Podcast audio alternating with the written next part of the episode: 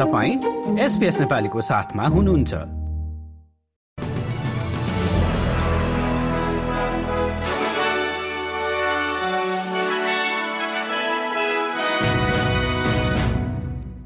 नमस्कार।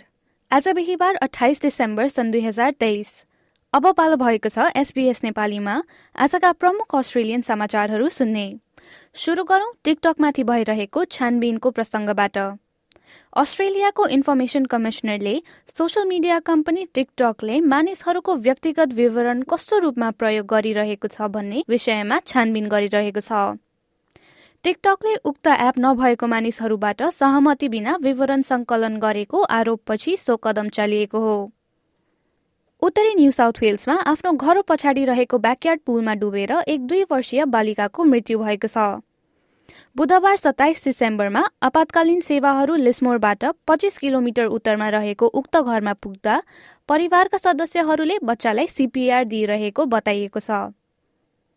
यसै सन्दर्भमा अस्ट्रेलियामा गर्मी चर्किँदै जाँदा पानीमा डुबेर हुने मृत्युहरूको बारेमा चिन्ता पनि बढ्दै गएको छ। यस वर्षको गर्मीयाम सुरु भएदेखि देशभर एक्काइसजनाको डुबानमा परि मृत्यु भएको रोयल लाइफ सेभिङ अस्ट्रेलियाले बताएको छ जुन गत वर्ष यही मितिको तथ्याङ्कको तुलनामा तीनजनाले बढी छ। लेबननको बिन जबेलमा भएको एक हवाई हमलामा परि अलिबाजी र इब्राहिम बाजी नाम गरेका दुईजना अस्ट्रेलियनको मृत्यु भएको अटर्नी जेनरल मार्क ड्रेफसले पुष्टि गरेका छन्। घटनामा इब्राहिमकी पत्नी शाहरुख हमुदको पनि ज्यान गएको बताइएको छ। घटनाको बारेमा सोद्धा आफ्नो एक जेटले रातिको समयमा एक हिजबुल्ला सैन्य स्थलमा आक्रमण गरेको इजरायली सेनाले बताएको छ। र अब खेलकुदमा फुटबललाई जोड्दै म्यान्चेस्टर सिटीले गुडिसन पार्कमा भएको खेलमा एभर्टनलाई एक तीन गोलले पराजित गर्दै प्रिमियर लिगको शीर्ष चारमा पुग्न सफल भएको छ। ज्याक ह्यारिसनले खेलेको आधा घण्टाभित्रै एभर्टनले अग्रता दिलाए पनि सिटीले दोस्रो हाफमा तीन गोल गर्दै तीन अङ्क जित्न सफल भएको हो। हस्त एसपीएस नेपालीबाट आजका प्रमुख समाचार यति नै। सुरक्षित रहनुहोस्। नमस्ते।